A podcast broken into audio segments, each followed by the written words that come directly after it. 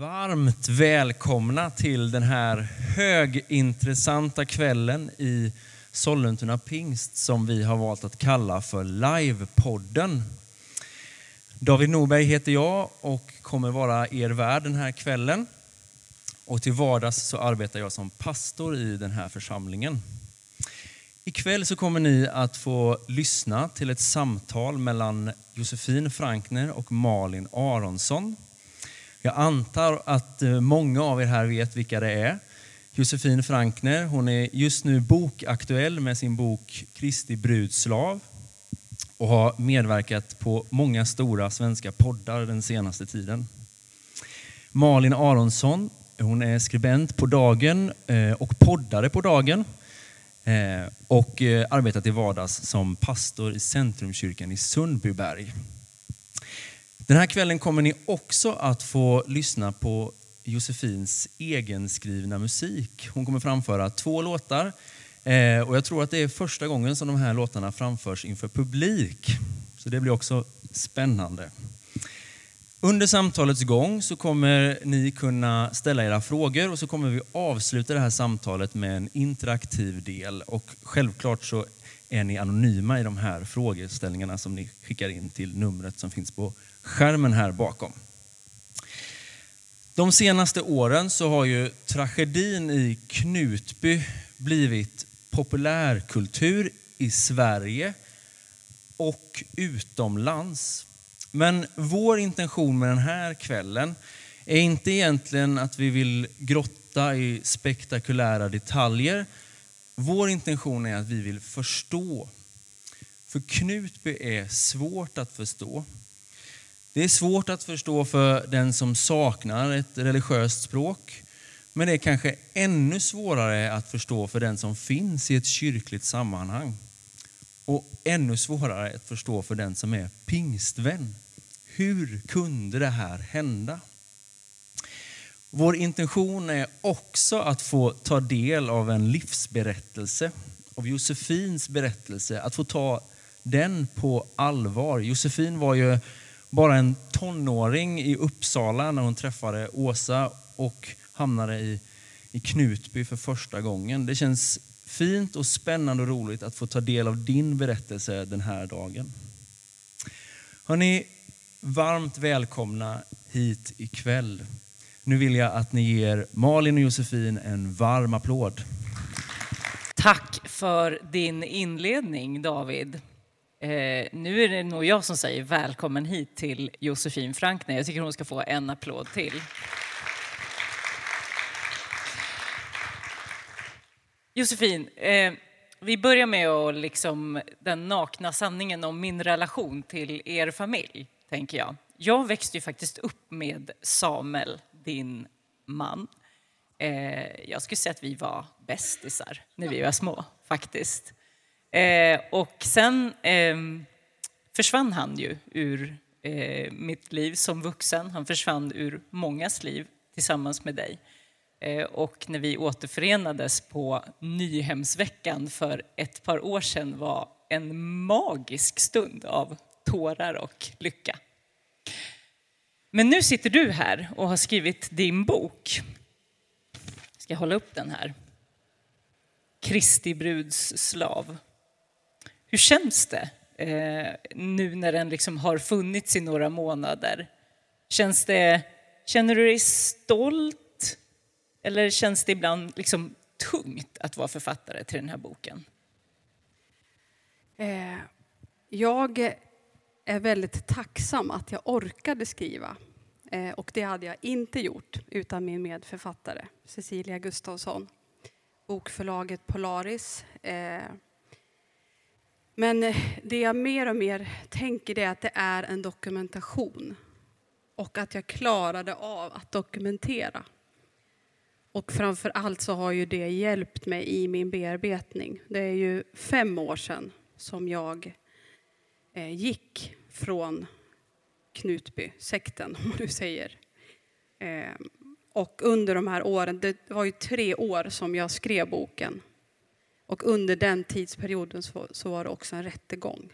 Ehm, men jag är väldigt tacksam för att den finns Och att den släpptes i april och fortfarande i stort sett varje dag får jag människor som skriver, hör av sig, som berättar att de får hjälp av att läsa. Och det är ju... Eh, jag skulle säga att det, det absolut inte varit värt det. För jag hade så gärna önskat slippa ha gått de här, den här vägen. Men eftersom jag har gjort det nu så är det ju fantastiskt att det kan komma till del att människor kan få hjälp. Då kan ju det komma till något gott, vändas till något gott.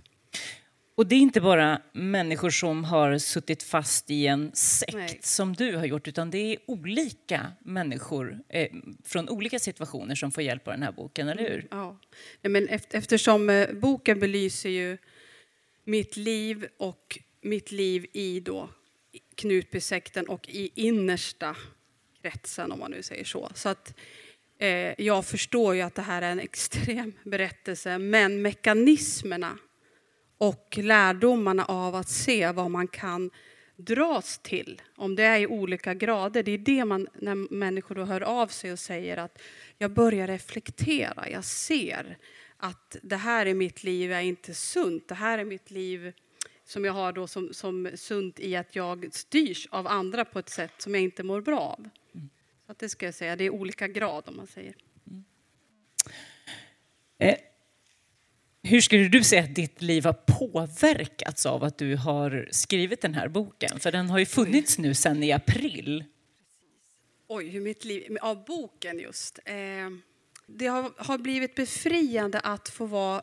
Eftersom vi kommer komma till det här, vilket eh, mycket i Knutby blev ju för mig att leva i dubbla världar, behöva tvingas leva i lögn och hela tiden liksom eh, hålla upp en fasad. Och det är så befriande faktiskt när det här är mitt liv. Så här var det. Och det finns något befriande i det. Eh, att eh, jag inte behöva liksom eh, hålla uppe något utan ja, men svart på vitt, så här var det. Och sen är det också jätteskönt att kunna säga läs boken och inte behöva kanske alltid dra allting för det, det tär kan jag säga. Eh, men eh, att kunna faktiskt säga läs själv. Ikväll kommer vi ju gå ner i din berättelse igen för det känns nödvändigt en gång till. Men innan vi går tillbaka, nu är vi ju i en pingstkyrka. Ja första gången eh, som jag får Hur medverka. Känns det? Jag måste säga att jag blev glad att ni inte har hunnit bygga er nya kyrka. För jag tycker om det här uh, kyrkorummet. Jag tyckte om de här kyrkobänkarna måste jag säga. För att det påminner mig om min barndom. Eh, korset, alltså det här, jag vet inte, segertonerna. Eh, för jag hade en väldigt, väldigt fin uppväxt eh, skulle jag säga. Jag har förmånen att ha fått, fått vara i en väldigt, väldigt eh, trygg, fin familj, fått växa upp i, i den, eh, för, de församlingarna jag har varit med i. kan inte säga att jag upplevde någonting som var svårt under uppväxten. Utan det var tryggt och fint, det var väldigt, väldigt mycket bra barnverksamhet, fantastiska körer. Alltså, åh, jag är ju så lyckligt lottad att ha fått vara med i sen man var liten. Och sen eh, pricken över i när jag bodde i Falun och var med i Stora stöten. Eh, alltså det var en stor gospelkör och vi gjorde allt ifrån att liksom förklara gospels historia. Alltså det var ju helt magiskt att få stå där och sjunga. Eh, och sen eh, läger, alltså sommarläger, vinterläger, jag menar fått åka skidor. Alltså det finns så mycket gott i den uppväxten, ska jag säga. Hur såg din tro ut som liten? Ja, men jag tror att vi hade, hade nog väldigt liksom vanlig, om man säger, tror jag. Jag, jag, jag. Som jag minns det så var jag eh, fick ett väldigt bra svängrum. Jag, jag, kan inte minnas att pappa och mamma var så här, tro och tyck så här, utan det var mycket att jag såg på hur de var. De var otroligt eh, fördomsfria, mina föräldrar. Så att jag kan, inte minnas att de liksom satt människor i fack, utan så här, väldigt öppet hem. Eh, och sen eh, ja, men det här, en trygg förtröstan. Så, att, ja, så var min barnatro. Mm. Jag tror vi tar första bilden på Josefin som ung. Ja. Här har vi henne. Ja, Jag tänker att vi ska gå tillbaka till eh, innan eh, det gick fel. Och Ja. här har vi den här självsäkra tonårstjejen. ja. Vem var du Ja, egentligen? nej, men jag här? var ju oförskämt eh, frimodig. Ska jag säga. Nej, men alltså, jag hade ett väldigt bra självförtroende.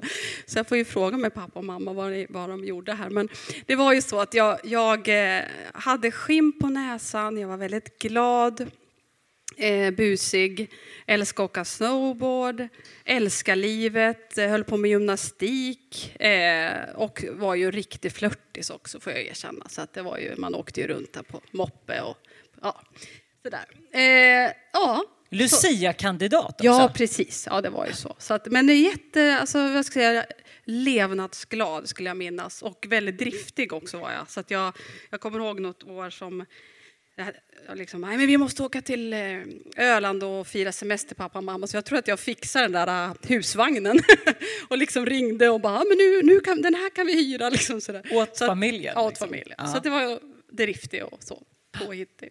Men sen flyttade familjen från Falun och till Uppsala. Ja, precis.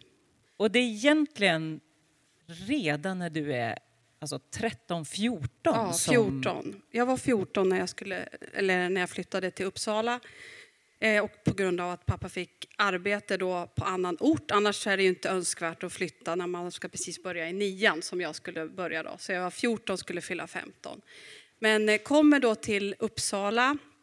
Hade vi bott i Falun och jag hade ju det här fantastiska självförtroendet. Men vad gällde min tro så var när man växer upp i en, det som man- i en församling och får tron med sig så blir det ju, kan finnas en fara det här att man inte får egna upplevelser. Vad tror och tycker jag då?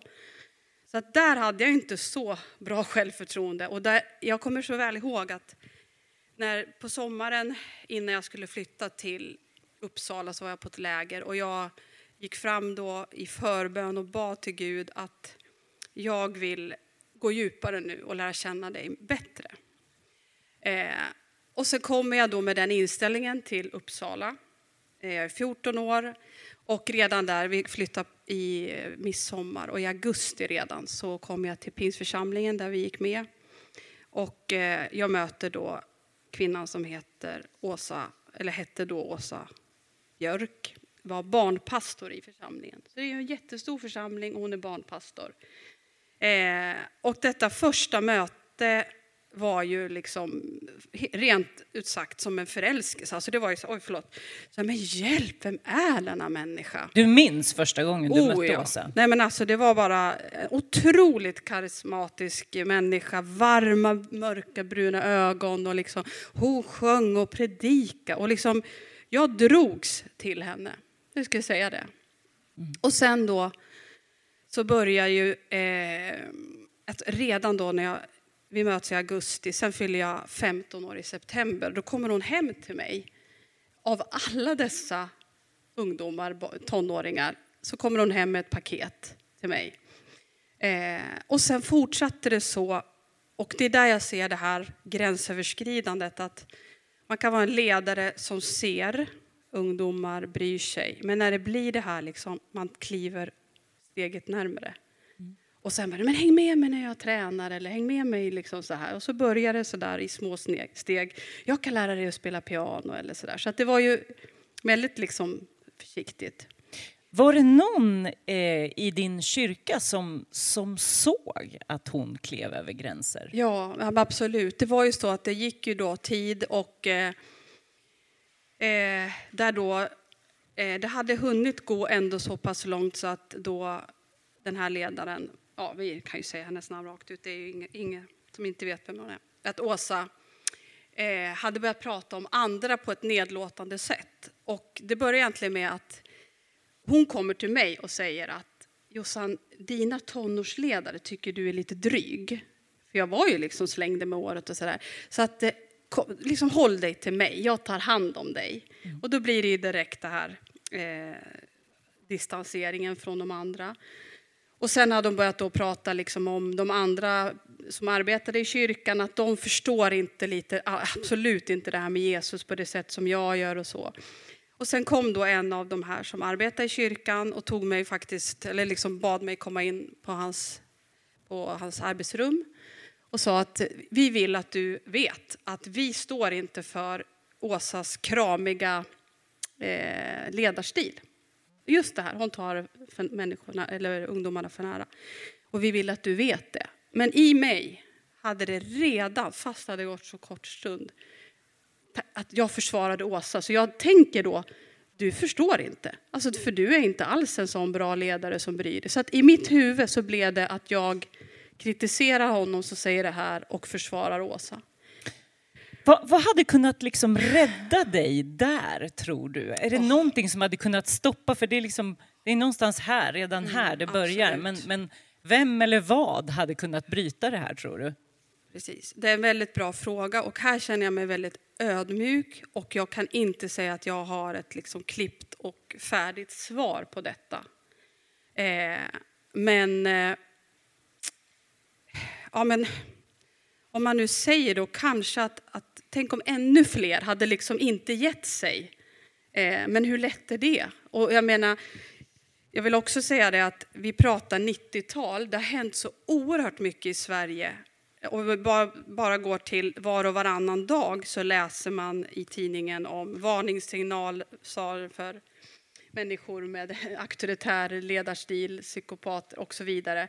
Man varnas idag och det är mycket mer öppet att prata om de här sakerna. Och jag förstår ju att ingen annan förstod vidden av det här. Men kanske det här att fler hade likt den här, hade liksom inte gett sig. Utan nej, men vänta här, det är någonting står inte rätt till här. Men eh, som sagt, det är väldigt lätt att vara efterklok. Någonstans i dina tidiga tonår så blir du också kär ja. i Samuel. Ja. Och jag tycker vi visar bild två nu.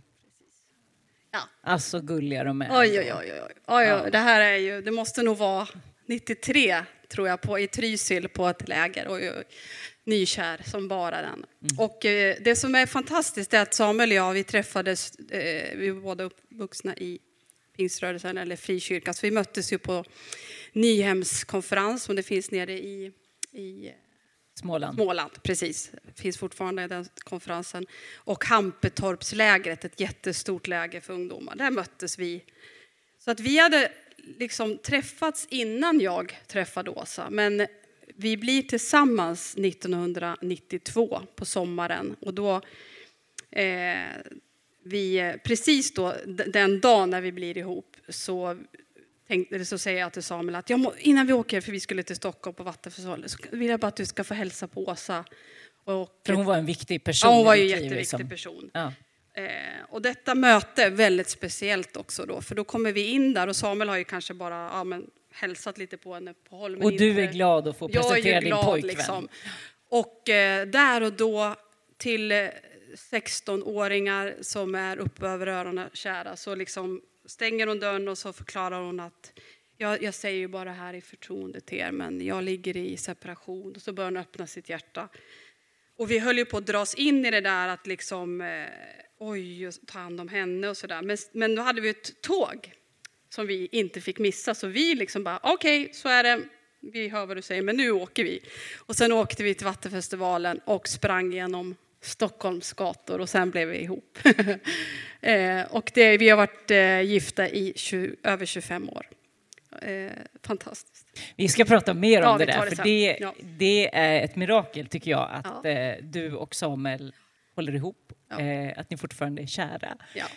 Och du återkommer ofta till den där vattenfestivaldagen, liksom hur viktigt det där är. Men sen kom ni tillbaka och sen hoppade du av gymnasiet ja. på grund av Åsa. Nej, men det här är ju nog så fruktansvärt. Eh, att jag hade stora drömmar, jag ville bli advokat, jag ville plugga utomlands. Eh, och här igen ser vi ju då när det kommer till det här man ger upp sina drömmar, sina planer. Och vad var det jag gav upp det för? Jo, eh, Åsa säger Jesus kommer snart tillbaka. Det är inte tid att eh, utbilda sig nu. Det är tid nu. Du liksom, vi har inte tid att vänta, liksom, utan nu måste vi ut och vinna världen ungefär. Så både jag och Samuel hoppar av gymnasiet till våra föräldrars enorma smärta och de gjorde verkligen allt de kunde för att hindra detta. Men då var vi ju, jag, Samuel hade fyllt 18 och jag var ju 17, skulle fylla 18 precis. Så att vi hoppar av och vi flyttar då ut till Knutby. Och varför, Åsa, varför Knutby? Det var ju då att Åsa separerade och eh, fann då en familj som tog hand om henne kan man säga då, eller hon.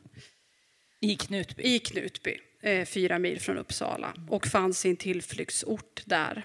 Eh, flyttar ut dit och där hon då eh, träffar sin man då, som hon gifter om sig med. Och eh, alla svängar, jag håller mig till min historia och hur det var med när de träffades och hit och dit, det, håller jag, det får de stå för. Men eh, så var, därför kom Knutby in i bilden. Men om vi backar bara lite, mm. det här är ju ganska drastiskt. Du Ja. är inte ens 18, du hoppar av gymnasiet och flyttar till Knutby. Alltså, dina föräldrar måste ha varit tokiga. Ja, nej, pappa han stod på knä och grät och säger, sa gör inte det här, gör inte det här. Så det är en av mina värsta beslut i livet, att jag gjorde detta val. Mm.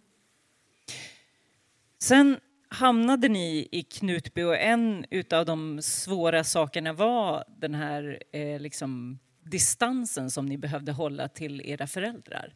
Precis, och den är ju, det var ju alltså absolut inte från en dag till en annan, utan det gick ju i små, små steg. Eh, Och det är det som är viktigt. Vi pratar, jag var i Åsas kontroll i 25 år. Så att det här, alltså det går ju inte över en natt, utan med små, små steg. Och, eh, men det börjar ju redan där med en distansering. Och jag skulle säga lite i det här, precis samma ton. Vi förstår Jesus på vårt sätt, men de andra de förstår inte riktigt. Dina föräldrar de förstår inte riktigt hur, liksom, hur viktigt det är att den här sista tiden nu och så. Så att det blev ju en sån eh, subkultur ganska tidigt. Men det måste sägas att den församlingen som jag kom till eh, det är ju alltså en eh, liten församling på landet med många äldre, fantastiska människor som fanns då. Eh, ja, nu blir jag rörd här. Alltså det var ju helt underbart att få lära känna dem. Jag hade mycket då i början, där hembesök hos de äldre. Jag älskar att sitta hos de äldre och prata. Och det var liksom, den församlingen som var då var ju en liksom ganska vanlig eh, församling på landet, om man nu säger så.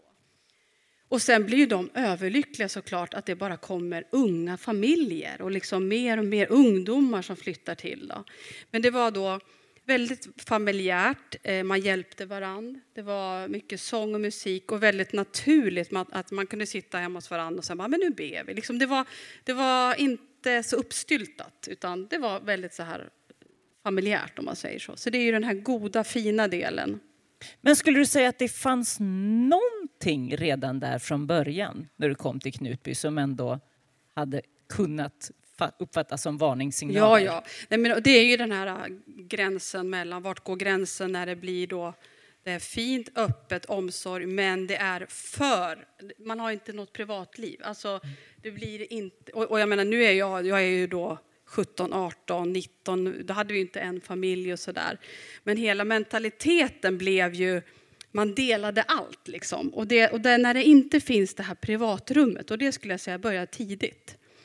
Eh, ja, Ni gifte er där i Knutby. Precis, 1996. Ja. Mm, I Lilla kapellet. Hur var det? Fick ni styra och ställa som ni ville? Eller, Nej, eller? men, precis, och det är ju så att det här är efter i fem år av terapi, bearbetning, så att nu låter det ju som att jag, oj vad jag är klok och pratar så här, men alltså det är ju, oj vad det har gått många vänder. Men det jag ser nu är ju att eh, vi blev ju väldigt eh, kontrollerade i vad gällde vårt bröllop, vilka vi skulle bjuda. Eh, bara en sån här egentligen liten grej, men jag hade haft en dröm att få ha på mig bröllopsklänningen till dit vi skulle åka efter, efter bröllops, eller till, på bröllopsnatten. Men då skulle ju då Åsa och hennes eh, dåvarande man köra oss dit. "Nej, men lämna den där hemma, du kan ju inte släppa med bröllopsklänningen. Alltså bara en sån där grej. Aj, vad det gjorde ont. Men det var ju bara, okej, ja, sådär. Men sådana där grejer. Och sen eh, mina vänner från eh, Uppsala, flera av dem som jag eh, hade verkligen velat ha som gäster. Eh, och det är ju så här att de, jag har tagit upp kontakter med flera av dem idag och då har en vän till mig då påminner mig om att jag, jag, jag var i köket, jag skötte disken på ditt bröllop. Jag bara, va? Mm. För att det var ju det Åsa sa, att nej, de ska inte ta plats från gästerna, nej, de får sköta disken. Liksom. Men, men sådana där grejer. Mm.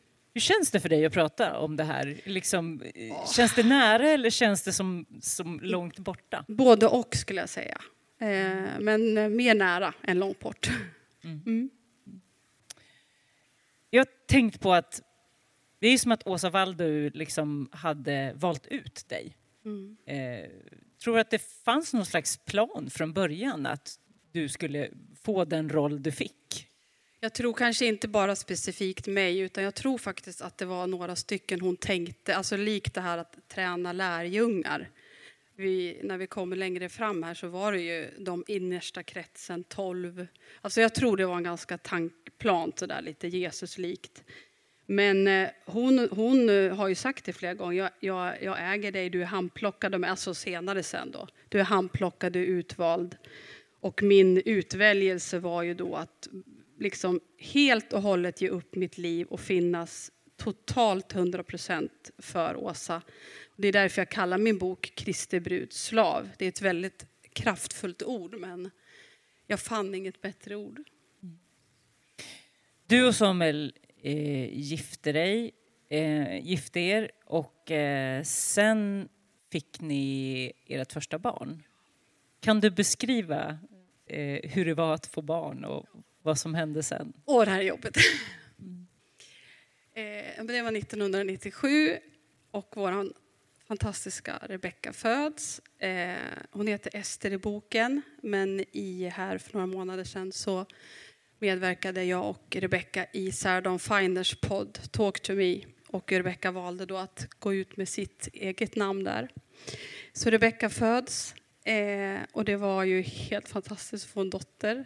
Eh, och då hade vi ju på ett sätt eh, vi hade en, en vår, vi, när vi gifte oss så flyttade vi till lägenhet, eller Samuel bodde i lägenheten i kapellet i Knutby.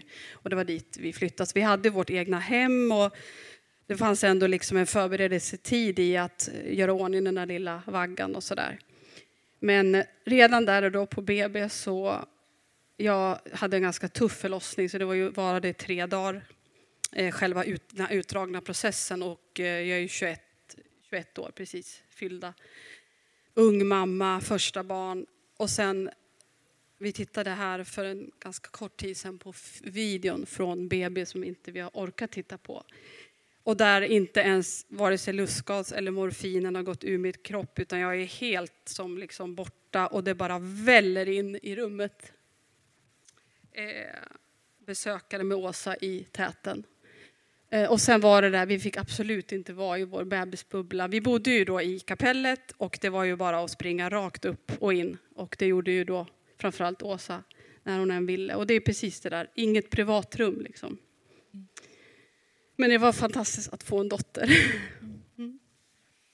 Det gör otroligt ont eh, att läsa i din bok och just det här överlämnandet av föräldraskapet som sker. Att du liksom inte får vara mamma åt dina barn. Det tycker jag är något av det allra mest smärtsamma att följa med i din berättelse. Mm. Eh, och det allra värsta tycker jag är att läsa om när Åsa och hennes man eh, ja, misshandlar era barn och, och, ni liksom tillåter det. Hur, hur eh, det är jobbigt att läsa om och jag tänker att det måste vara fruktansvärt att skriva om och, och ha varit med och medverkat. Liksom. Hur, hur, tänker du om det där idag? Mm. Jag tycker fortfarande det här är jobbigt att fråga ja, dig om nej, det. Men det, är, det, det här är jätte, jätte, jättesvårt. Och eh, det tog många vänder om att jag överhuvudtaget skulle våga eh, sätta ord på det här. Eh, tack vare traumaterapi, där jag fick gå tillbaks till det här rummet och försöka förstå. Du tvingade dig själv att återuppleva det? Ja, Eh, och eh, det som hände då, det vad jag, nu är det ju här vad jag minns, eh, att det är vid två tillfällen på vår dotter och vid ett tillfälle på vår son senare, där det handlade om att vi inte var bra föräldrar nog. Eh, och det Åsa avgör då att det finns ett uppror i barn. och det här upproret kan inte talas till rätta utan man måste ge smisk. Eh, och det här är fruktansvärt allvarligt för nu pratar vi om att våldet i Knutby började 1998. Och det var på våra barn, mitt barn.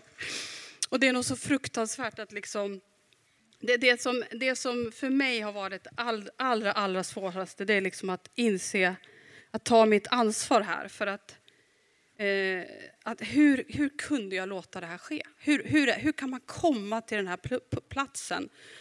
Hela jag, jag kommer ihåg, jag skrek inom mig. Alltså jag bara nej, nej, nej, nej, jag vill inte det här.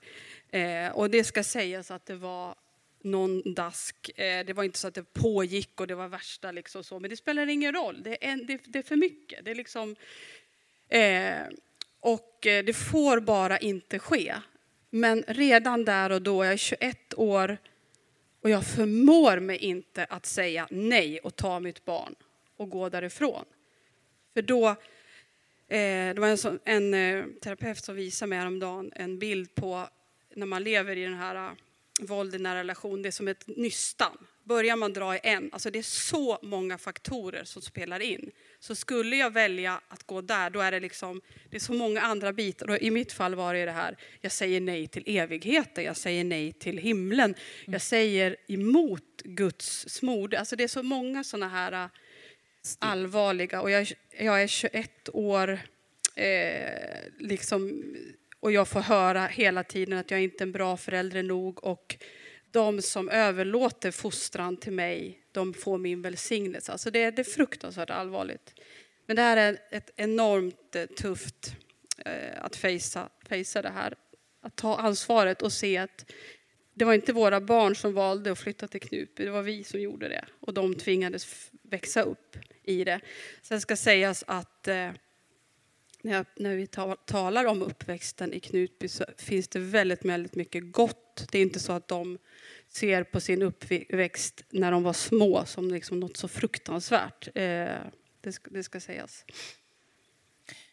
Jag tycker att det är eh, väldigt vackert och ärligt med dig att du vågar gå ner i det här allra mest smärtsamma. Att du inte rundar utan du liksom har valt att ta på dig eh, och på något sätt be om förlåtelse på riktigt. Och du har skrivit en så otroligt vacker sång om det här som mm. du ska få sjunga nu om du fixar det ja, precis när det får vi det är som värst. Här nu, men det, ja. Eh, den här texten, ja, under mina år, tre år när jag skrev min bok så skrev jag låttexter. Som sagt, som jag sa, alltid älskat att sjunga och eh, det fick jag inte göra under de här åren. Eh, och jag har bara längtat efter att få sjunga.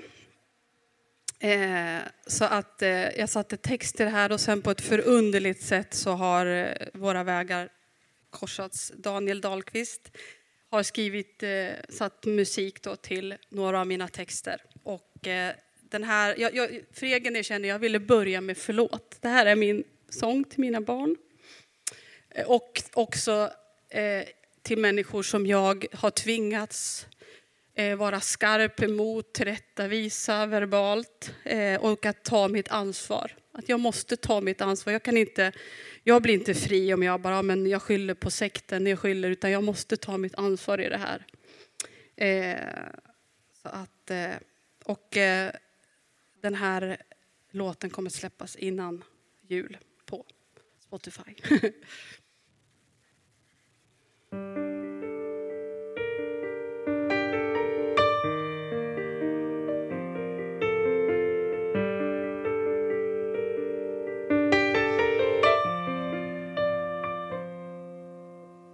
gjorde jag mot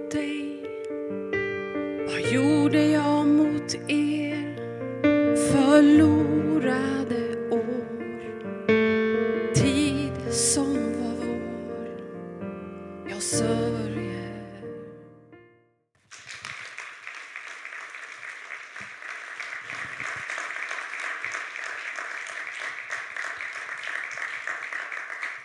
Fantastisk sång. Och nu är det gjort. Nu har du gjort premiären. Ja. Så härligt. Tack.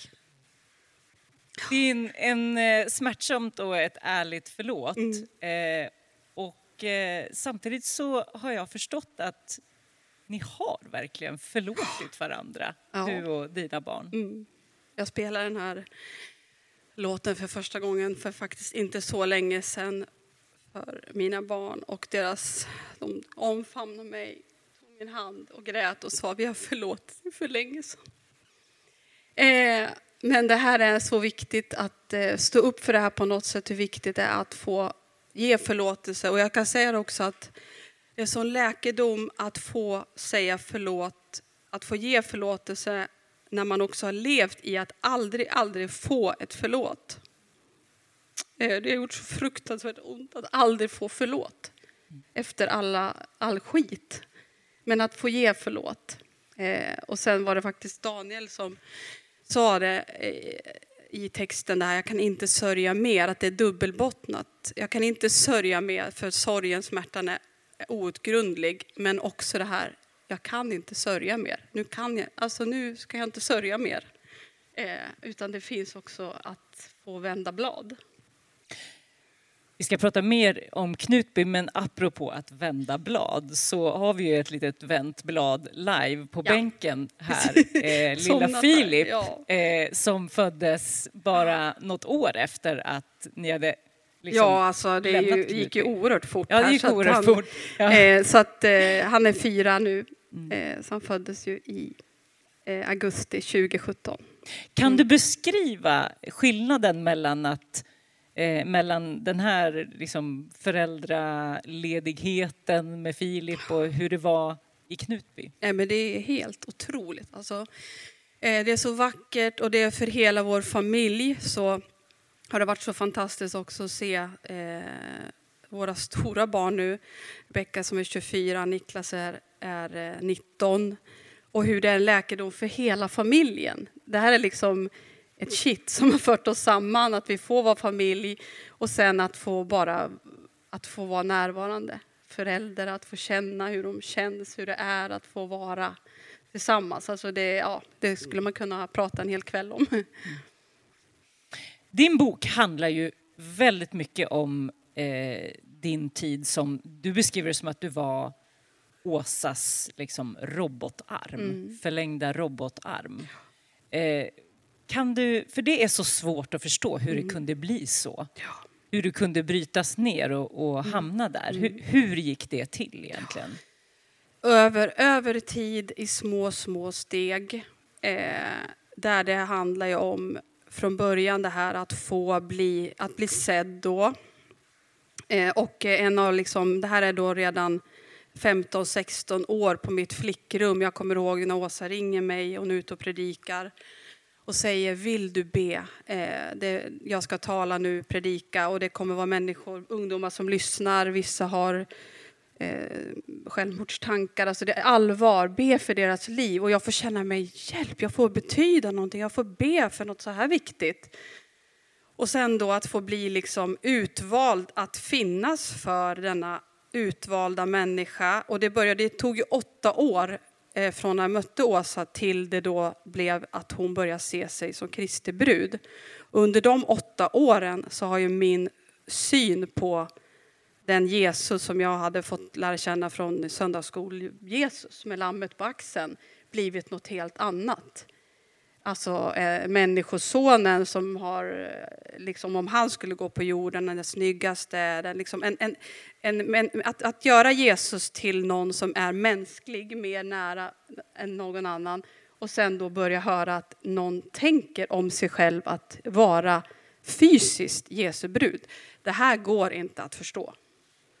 Och sen då att jag då skulle finnas totalt dag och natt 24-7 uppkopplad. Eh, och jag skulle säga att det värsta är ju, eh, eftersom det handlar både om psykisk och fysisk misshandel, men det psykiska är ju värre, för att det sitter så djupt. Och att bli liksom övertagen i att eh, det fanns inget stopp. Alltså det var, det var liksom ständigt skulle jag vara uppkopplad. Eh, och den här robotarmen, det var ju att jag skulle tänka före hon sa vad hon ville ha. Så att det, det, det fanns liksom ingen chans för mig att tänka något annat än att bara koncentrera mig på Åsas behov. Ibland eh, när jag har hört om Knutby så har jag tänkt, men, men de hade ju Bibeln. Hur, hur Mm. kunde den här kärlekslösheten Mm. få ta sånt fäste? Att det är det som gäller, att du inte är något värd. Mm. När, när jag tycker att min Jesus och, Mm. och hela Bibeln är full av att jag är älskad och värdefull. Var det... Det otäcka är ju att vi läste mycket Bibeln. Eh, och, men det tolkades ju då genom de här lärarna. Eh, vi hade ju till och med såna här bibel, jag tror inte det är många församlingar som har det, alltså så här läxförhör varje vecka där vi gick igenom. Då Åsa stod för det nya testamentet och det var när fortfarande Helge var i Knutby. Han hade skrivit utifrån gamla testamentet. Och det tolkades Bibeln genom dem. Eh, och det jag tror det, det liksom kommer in det här eh, svartvita och att en straffande Gud och så. Det var ju att de orden som man kan hitta, alltså man kan ju förvrida ordet hur man vill om man vill det. Att eh, ja, men det finns ju något, nu har jag faktiskt förträngt vart det står för att det, det här ordet har gjort väldigt ont men att eh, ungefär att ni, liksom eh, hindra inte den som vill slå dig. Alltså typ så att, att det är bra att ta emot slag. För det är som olja som rinner ner för skägget. Jag, jag vet, jättefritt citat, jag har förträngt det här Mm. ordet. För att det här var... Men det är en bild av hur Bibeln ja, men användes. ungefär- ja, men precis. Mm. Och att det är någonting gott att få bli fostrad och få liksom eh, slag. Och det, och det, det, det är ju så. Eh, ett väldigt allvar när ordet förvrids och missbrukas på det här sättet. Otroligt allvarligt. För det blev verkligen fysisk misshandel Ja. för din del. Mm. Kan du beskriva första gången det hände och hur det påverkade dig? Nej, men det här är ju det här är också så här, äh, pratar jag om mitt eget liv, liksom. det, här är, det här är så konstigt så att det här är, ja, men det som jag tror varför jag kan prata eh, lite lättare om det här är för att nu finns det en rättegång bakom. Och jag är så oerhört tacksam att vi fick gå igenom det här så att det blev en rättslig process. Eh, och det är på något sätt det jag också hoppas i min bok och att när jag vågar prata om det här att människor som på olika sätt är utsatta att våga anmäla, våga. Eh, och, och egentligen så börjar det runt, för, för på vuxna då om man nu säger slagen, vad jag vet, jag pratar utifrån mina erfarenheter, men min första erfarenhet är runt 2010 där, 2010. Eh, där det började ju absolut inte med hårda slag utan lite nyp och lite skärp dig liksom så här. Lite drag i håret och sådär. Till att det bara blev mer och mer och mer och mer. Och när vi då, eh, det bröt ju upp sekten 2016 i oktober och rättsprocessen började årsskiftet 2017-2018.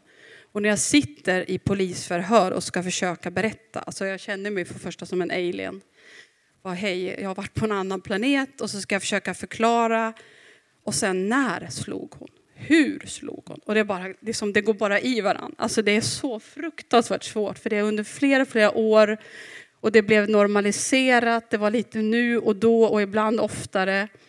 Eh, men det var fruktansvärt grova saker som hände och eh, Åsa blev dömd för fyra åtals, i åtalspunkter. Det var åtta, eller nej, det var, nej, det var fyra i mitt fall bara. Fyra yppa åtalspunkter som de lyckades vaska fram eh, och det, av, av de fyra så blev hon dömd för två.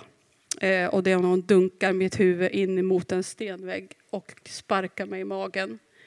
Eh, men det är ju bett i ansiktet, det är hugg med gaffeln. Alltså det blev, det blev fruktansvärt grovt. Och det var ju eh, upproret i dig måste slås bort. Du är upprorisk. Eh, det här, det här, eh, jag, jag tror vi stannar med det, utan det går att läsa också i boken. Sen det allra tyngsta och som också eh, kom till rätten och en person faktiskt blev dömd för eh, sexuellt eh, Mm. utnyttjande av en person i beroendeställning och det var din egen dotter. Som utsattes för detta. Och det ehm, är fruktansvärt att läsa om och samtidigt så förstår man att det här är liksom början till slutet av ert helvete. Mm. För vad var, det som, vad var det som hände i dig när din dotter berättade för dig? Som sagt så går jag inte in för mycket på detaljer här utan det går att läsa. Och, eh, men det som hände då att i mars 2016 så på olika sätt så eh, berättar vår dotter för oss, för mig och min man att hon har blivit Eh, det, vi, vi pratar ju inte om att jag har blivit utnyttjad, man pratar ju inte om på det sättet utan det var ett väldigt, väldigt pressat läge och hon får ur sig eh, att den här, och det är ingenting man behöver dölja hans namn utan det är ju offentligt utifrån att det är offentliga handlingar, att Urban har varit fysisk med mig. Och där och då så är det ju för första, det är ju en sån total chock. Alltså det här bara, vad, vad, vad, vad är det som händer? Och vi reagerade allt annat än bra. Alltså vi var så hjärntvättade, så förvridna i vårt huvud. Vi fanns verkligen inte där för vår dotter som vi skulle. Men det som börjar hända är att, eh, och det här har jag också fått hjälp i terapi att förstå, min autopilot stängdes av. Någonting i mig bara, nej. Eh, det stängdes av någonting av det här automatiska som jag bara gjorde och sen började jag reflektera på ett sätt som jag inte har gjort. Och det går i små, små steg under de här månaderna. Eh, och vi börjar kunna prata lite. Från att vi, till och med inte ens jag och Samuel, det är ju en lång historia att vi var så frånskilda fast vi var gifta så var vi ju då eh, Eh, i detta sjuka i, i innersta kretsen och framförallt jag som var så ägd av Åsa så skulle jag då leva i avhållsamhet. Så jag och min man i över åtta år fick inte ha någon form av intimitet fast vi bodde under samma tak. Eh, och vi pratade inte. Alltså det, det, liksom, för mig var det också så att skulle jag öppna mitt hjärta för Samuel då visste jag att jag får stryk för att Åsa tar reda på vad jag kommer säga så att jag kan inte prata, så jag stängde av. Men vi börjar där efter mars och pratar några stycken. Eh, så att pratar, eh, och det är här man kan säga också otroligt mycket man skulle kunna gå in på om gruppdynamik. Eh, men också det här när man börjar väl och får kraft i varandra, några stycken. Och sen sakta, sakta, sakta. Och det här är ju, finns två sidor, för de här månaderna var ett helvete för min dotter och så fruktansvärt hon behöver utstå i det här. Eh, men det kommer fram mer och mer då och sen till slut då i oktober så sätter vi ner foten, några stycken, och börjar ifrågasätta. Eh, och sen då i... Jag, jag, vet inte var jag fick luft ifrån, eller det vet jag. Det var ju, eh, ett mirakel från Gud att jag... Utan ja, för nu, jag har... nu kommer vi till, det ska jag ja. säga. När man läser i ja. boken så känner man har suttit så här, ja. nej, nej, nej, nej, nej, nej. Precis. Och sen blir det så här, alltså det... Nu säger, känner jag själv att jag flyttar fram här. Ja, liksom för att det jag, är faktiskt eh, nej, men, och det, här är, det här är så häftigt. Eh, och, och eh, det här måste, det måste bara sägas att eh, Eh, jag skulle, nu behöver ni inte egentligen stå upp, men jag ville bara vända mig till mina föräldrar. Min pappa är här, mamma blev lite dålig här på eftermiddagen så hon är inte här. Men min älskade pappa, Samuels föräldrar, Klas och Ulla är här ikväll och jag vill, jag tror nästan att jag skulle vilja att vi ger dem en applåd. Ja, det gör vi.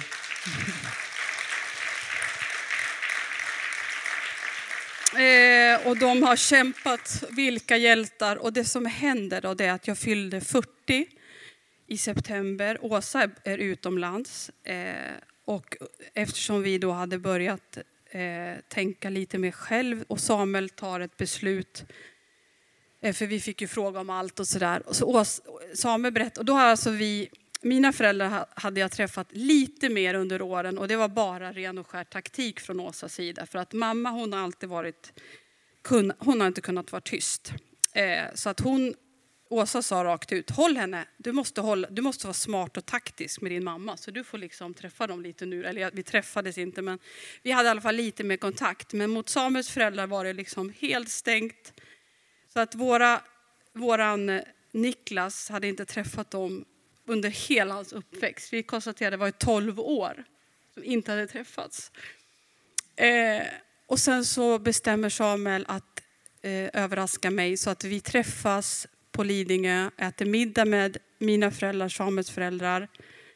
Och det är dagen innan jag sätter ner foten och går ut från Åsas hus. Och det kan man se som en symbol, alltså vilken kraft jag fick av att möta dem. Och vi visste inte vad vi höll på med då kan jag säga. För att, eh, ja, eh, det, det, går att läsa. Eh, och sen vill jag också vända mig till Marita som har betytt så oerhört mycket för mig som är här ikväll. Som har funnits med under alla de här åren. Och har varit en otroligt viktig del i terapi. Hennes fina son Andreas som är så tacksam. Ni är här ikväll. Ja, det finns många att vända sig till. Men i alla fall. Och där, sen så, jag hade inte planerat att säga nu räcker det, nu går jag. Men det var vad jag gjorde. Läs det i min bok. Jag bara säger det. Det är ja, häftigt. Det, är, det, det är faktiskt delen. häftigt. ja. Ja. Det är det verkligen. Eh, och jag tänker att du ska få sjunga din andra sång nu innan vi pratar lite till. Eh, och den är ju en slags eh, frihetssång, eller Verkligen. vad ska vi säga? Ja, ja. Men den heter Livet har mycket att ge och eh, Eh, den här går lite lite mer dur, alltså lite mer eh, härliga, glada toner. Men det finns ett passage som, eh, där jag berättar just om det här stoppet. Och eh, texten är gjutet i mitt inre fanns ljuset i sinnet. Och det är där jag kommer till min grund som jag hade. Den finns där. Och det vill jag bara säga till alla här att det finns någonting så fint i att ha en, alltså det man får med sig i grunden eh, av goda värderingar, det finns kvar. Det finns kvar. Det, liksom, det, det, det, försvinner inte. Tycker du vi ska ta den här bilden på murstocken ja, nu? jag tror det. jag tror vi gör det. Vi tar ja. bild tre. Precis. Alltså, det här var någonting som Josefin, första gången vi mm. pratade så beskrev du det som att när liksom, korthuset Knutby föll eh, så stod ändå som en murstock av men, ja, din barnatro kvar. Jag tyckte det var så vacker bild. Ja, nej, Den är, är inte så vacker, men det är ändå väldigt vackert. Det som, är, det som jag tror hände, för att det var ju så att Åsa blev min gud och den guden var jag livrädd för. Och det var det här, det är rätt, man ska vara rätt eller fel och det är helvete eller himmel. Alltså det här, den fruktansvärda tron som är att det är otroligt dömande. Eh, men när, när jag sa ifrån, då, och jag, då var den rädslan borta. Så det var som ett kort, det var bara, det rasade. Och sen stod min barnatro kvar där. Och den är, den är, bara, den är bara där. Och precis som Samuels pappa Claes sa här på vägen när vi åkte och pratade om den här bilden, att en murstock står ju inte själv, utan det är ju en grund där. Och den grunden och murstocken stod där. Och det är min barnatro. Och sen har jag såklart eh, vissa saker som jag processar. Det är inte helt lätt för mig att bara ta en bibel och sitta och läsa utan jag kan må bra av att bara tänka på ett ord och sen räcker det. Och skulle någon gå igång och predika för mycket då kan jag zooma ut ibland för jag känner att jag är lite sönderpredikad i huvudet. Men min tro är så grundad och jag känner att jag jag bara vet, vet det. Och eh, den sista raden i den här texten är eh, ungefär landade mjukt efter allt som varit sjukt. Och där ser jag faktiskt den här kvällen med mina föräldrar, med Samuels föräldrar, att det var att få landa mjukt. Och också på tal om förlåt, hur de då stod där med öppna armar är ju helt otroligt att de klarar av efter alla de här åren. Så den här texten har jag skrivit och Daniel har satt musik.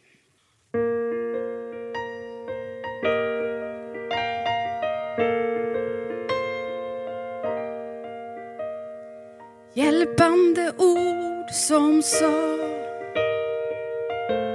Så här kan det vara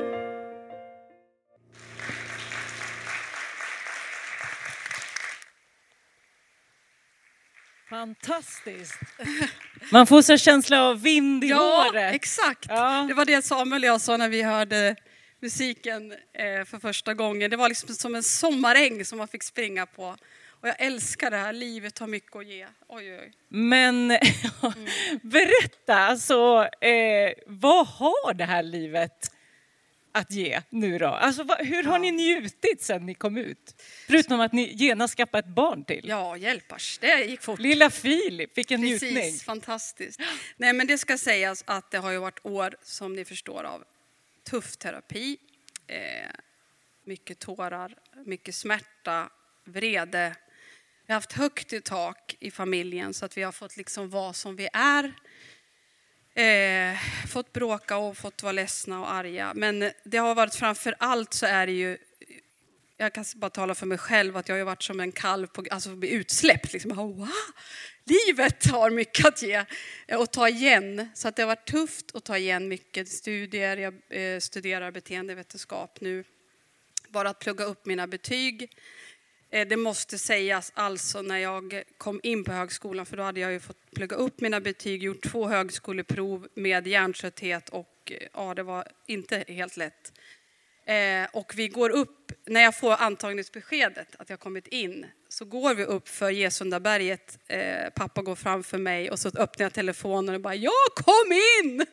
Och eh, vi bara går upp för det här berget och pappa plockar ihop en bukett och ger mig. men det, var så, det var så vackert. Och sen är ju min pappa min största coach nu då, så han hjälper mig på högskolan. Eh, han är min speciallärare, ska jag säga, för att fixa studierna, för det är inte hur som helst. Men, eh, och får förmånen nu att föreläsa eh, som senast här för Polismyndigheten. Och oerhört tacksam att få göra det. Att få kunna prata om de här eh, mekanismerna och hjälp, liksom, få jobba brottsförebyggande, det är vad jag vill. Eh, och, så. och nu även få jobba med musik och så här. Så det, det, är spännande framåt.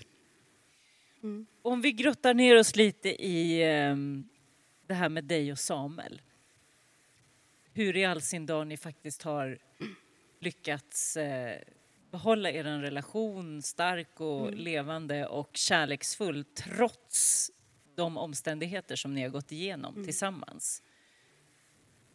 Hur, hur har det varit möjligt? Jag tror att en stor orsak är just det att det fanns en enormt stark kärlek i grunden. Och sen så blev ju vi som att vi hittade varandra på nytt. Alltså eftersom vi inte hade fått vara så blev det liksom en nyupptäckt. Eh, en, en fruktansvärd sak i det här var att jag inte under de här åren fick gå till optikern så jag såg väldigt dåligt. Eh, och i november hemma hos mina föräldrar och de hjälper mig till en optiker och optikern säger kör du bil liksom? Men hjälp, du måste ha glasögon. Mina ögon var så spända. Eh, och sen sitter jag då med mina nya glasögon. Vi sitter på Ikea, Samuel och jag. Och jag bara, är det så här han ser ut? Alltså, det är helt sjukt alltså. Jag bara, va? Och sen så bara att få upptäcka varandra. Eh, men sen såklart tuffa dagar och vi bestämde liksom att vi ska inte vara varandras terapeuter. Vi, Samuel har ju, oj hjälp vilken resa, han har haft så fruktansvärt saker han har fått gå igenom under de här åren. Men vi tar hjälp professionellt på varsitt håll så vi inte är varandras terapeuter. Och har fått fantastiska redskap att eh, analysera inte, utan börja om. Det är något vi använder verkligen varje dag. Börja om. Oj, nu blev det inte bra. Nu börjar vi om. och så. Ja. När vi sågs i våras första gången, du och jag, eh, då sa du så här att ja, men jag håller på att liksom ta reda på vem jag är. Vem är du då? Oj, nej, har, du, det... har, du, tagit reda på det? Nej, nej, nej. Nej, nej men jag har ju, har ju identitetskris. Nej, men alltså, jag, det är verkligen så här, hjälp och vad ska jag ha på mig och vem och hur ska jag vara? Och, alltså, det är verkligen så fortfarande mycket ett sökande.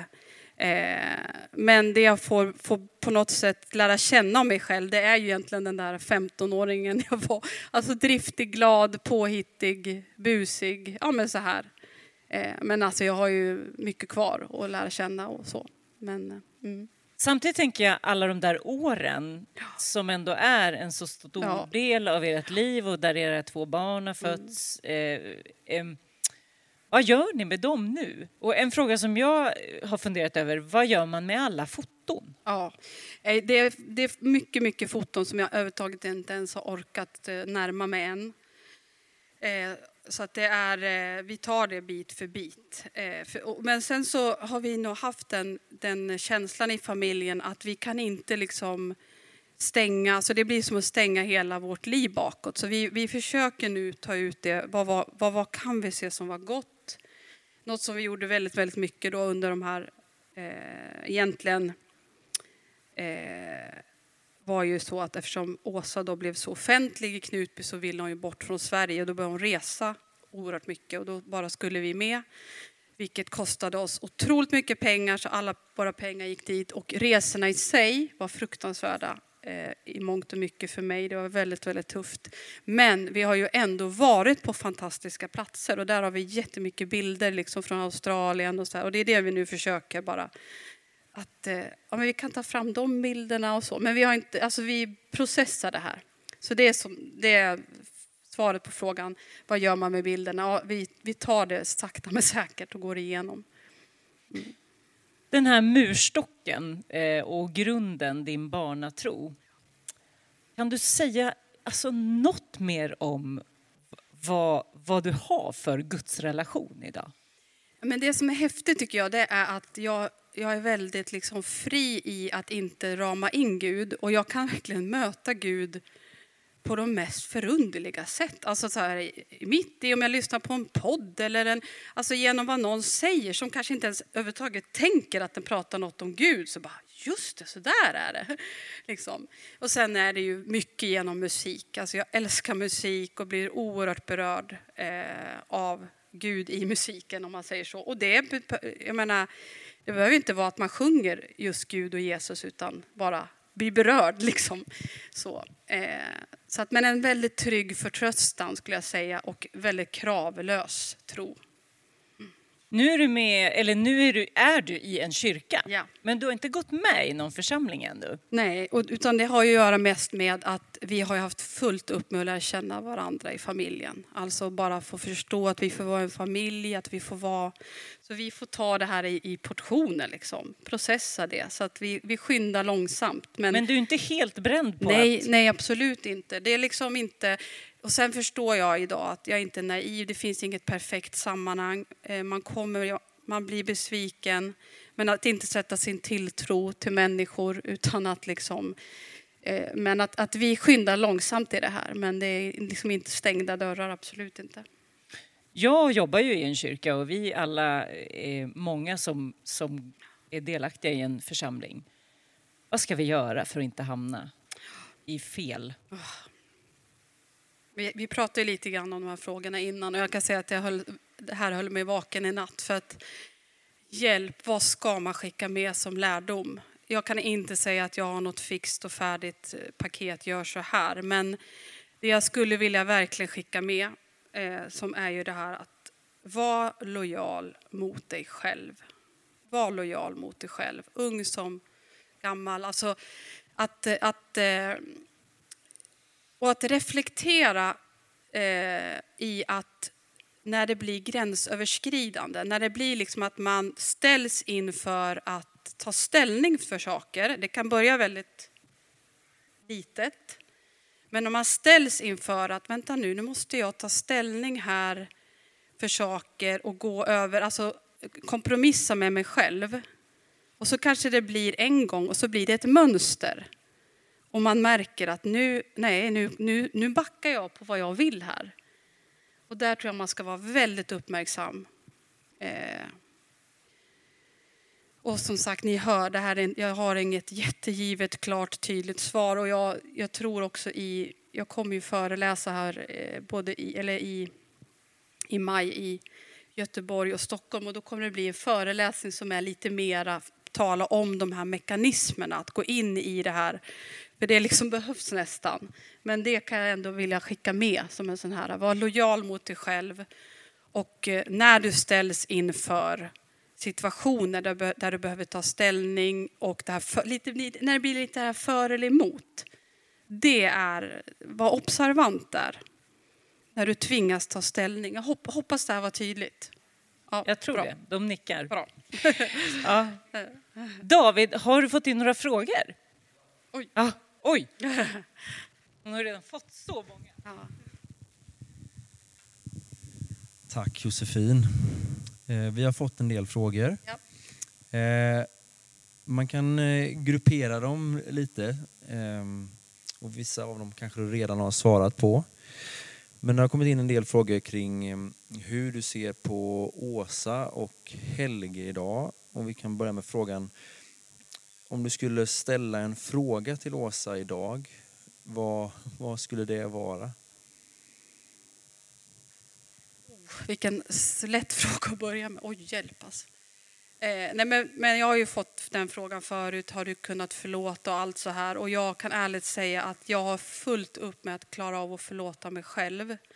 Och att det är inte lätta frågor det här. Eh, och vad, vilken fråga jag skulle ställa. Alltså jag, oj hjälp, jag vet inte. Eh, Får också säga Ja, paus, eller precis. nästa fråga. Ja. Nej, men det, det är ju... Ja, men nästan visste du vad du gjorde liksom. Men, men det... Ja, jag vet inte. Mm. Kanske så. Är du, är du rädd för att möta Åsa idag? Eh, både och skulle jag säga. Jag har fortfarande mycket mardrömmar och eh, kan drömma liksom fruktansvärda saker. Men fysiskt sett så är jag nog inte rädd liksom, utan nej, jag har fejsat det där. Jag sa, jag sa, sa ifrån liksom. Så att, nej, Har ni haft någon kontakt efter den här boken? nej, nej, nej. Utan det sista var ju då i november 2016 och det var ju, det pågick ju då jag satte stopp i oktober, sen fortsatte det på sms-väg och då fick jag ju hjälp tack vare eh, Marita här som är här och mina föräldrars otroligt stöd av att komma till att de sa just det, du måste skriva och säga det tydligt och klart, jag vill inte ha mer med dig att göra. Så att det var ju då som sista kontakten och sen så tvingades jag ju då möta henne i rättssalen. Och då tänkte jag, nu ska jag klara av att titta henne i ögonen, men jag, jag fixade inte det utan jag tittade bort så mycket jag bara kunde. Mm. Jag förstår ju att det här med, med ansvar är en jättesvår fråga. Ehm, Men jag har en fråga. Hur ser du på Mm. Helges kontra Åsas ansvar? Oj, hjälp. Alltså det, jag får nästan passa på den. Det är en sån här typisk, eh, väldigt svår fråga. Alltså. Mm. Fanns det eh, någon gång i början av tiden av Knutby där någon utifrån eh, ifrågasatte vad som hände men du försvarade beteendet? Oh ja, absolut. Alltså det var ju där eh, släkten och andra som kom och då där det liksom blev lite grann det här eh, man, jag såg en ära i att försvara på tal om att vara lojal. Jag var inte lojal mot mig själv utan lojal då mot Åsa och stod upp och liksom nej. Och, och då med den här tanken att ja, ni kommer här och säger men ja, liksom, vi vet något mer liksom, om, om Gud. Så det fanns absolut människor som har, som har försökt under de här åren. Mm. Sen har det kommit eh, en del frågor som rör din syn på församling idag. Du var inne lite på det. Ehm, eh, hur ser du på att låta dina barn vara med i en församling idag? Ehm. Nej, men jag, eh, som sagt, våra vuxna barn är ju helt... Eh, vi, vi, vi, de är vuxna och vi finns för dem nu 24-7 och de, de väljer själva. Och det man kan säga att de har med sig i bagaget är ju väldigt öppna ögon, om man säger så. Så att eh, en medvetenhet och vi, det enda vi vill är då att de bara ska få det bästa i livet. Så att det är deras egna beslut. Hur ska vi som församling tänka kring vem som får vara ledare? Oj, vad bra fråga. Nej, men det, det, jag, tror, jag kan säga att jag har inte riktigt hängt med liksom, eh, i det, om man ser hur det ser ut idag med pastors... Alltså hur det ser ut, vad, vad, vad, vad gäller. Men, men eh, det man verkligen behöver är ju en, en mycket mer... Eh, framförallt alltså, gedigen utbildning, men sen också att man ett, ett nätverk. Och det tror jag många har mycket bredare idag att eh, många olika, alltså mentorer och många olika input, alltså från flera håll. Eh, Så att det inte blir det här eh, styrt åt ett håll eller att man bara lyssnar på en röst eller sådär. Eh, så att ett frågasättande måste kunna finnas eh, på en bred, bred front. Eh, och sen tror jag ju ekumenik är ju jätteviktig så att det inte blir det här exklusiva, att det är bara vårt sammanhang och så här. Mm. Jättebra.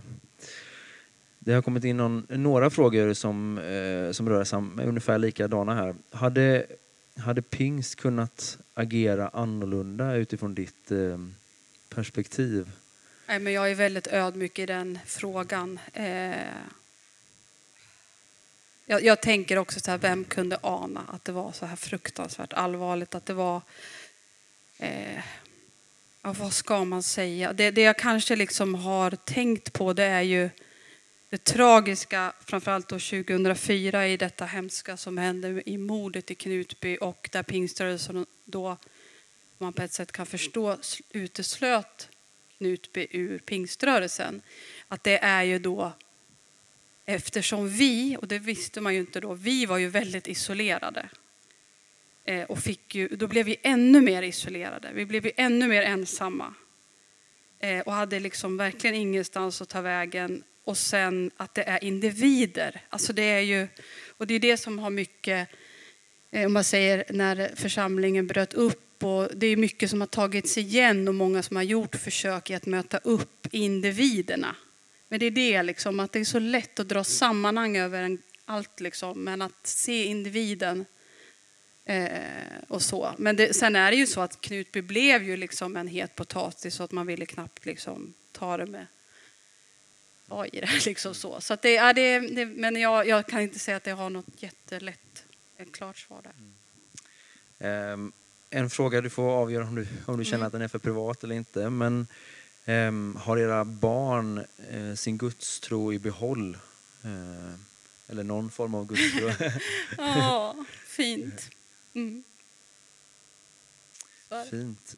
Nu har jag inte fler eh, frågor jag, jag i min tänkte att jag här. kan bara passa på att flika in liksom också att eh, det finns människor som har reagerat på faktiskt från Knutby som har reagerat på men varför kallar du den Kristi brud slav? Det var ju som du sa där robotarm.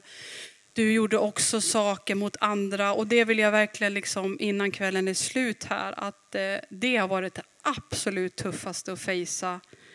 Att jag då i det jag sjöng här, stressen som var min hamnade hos dig, att människor såg ju inte hur pressad jag var.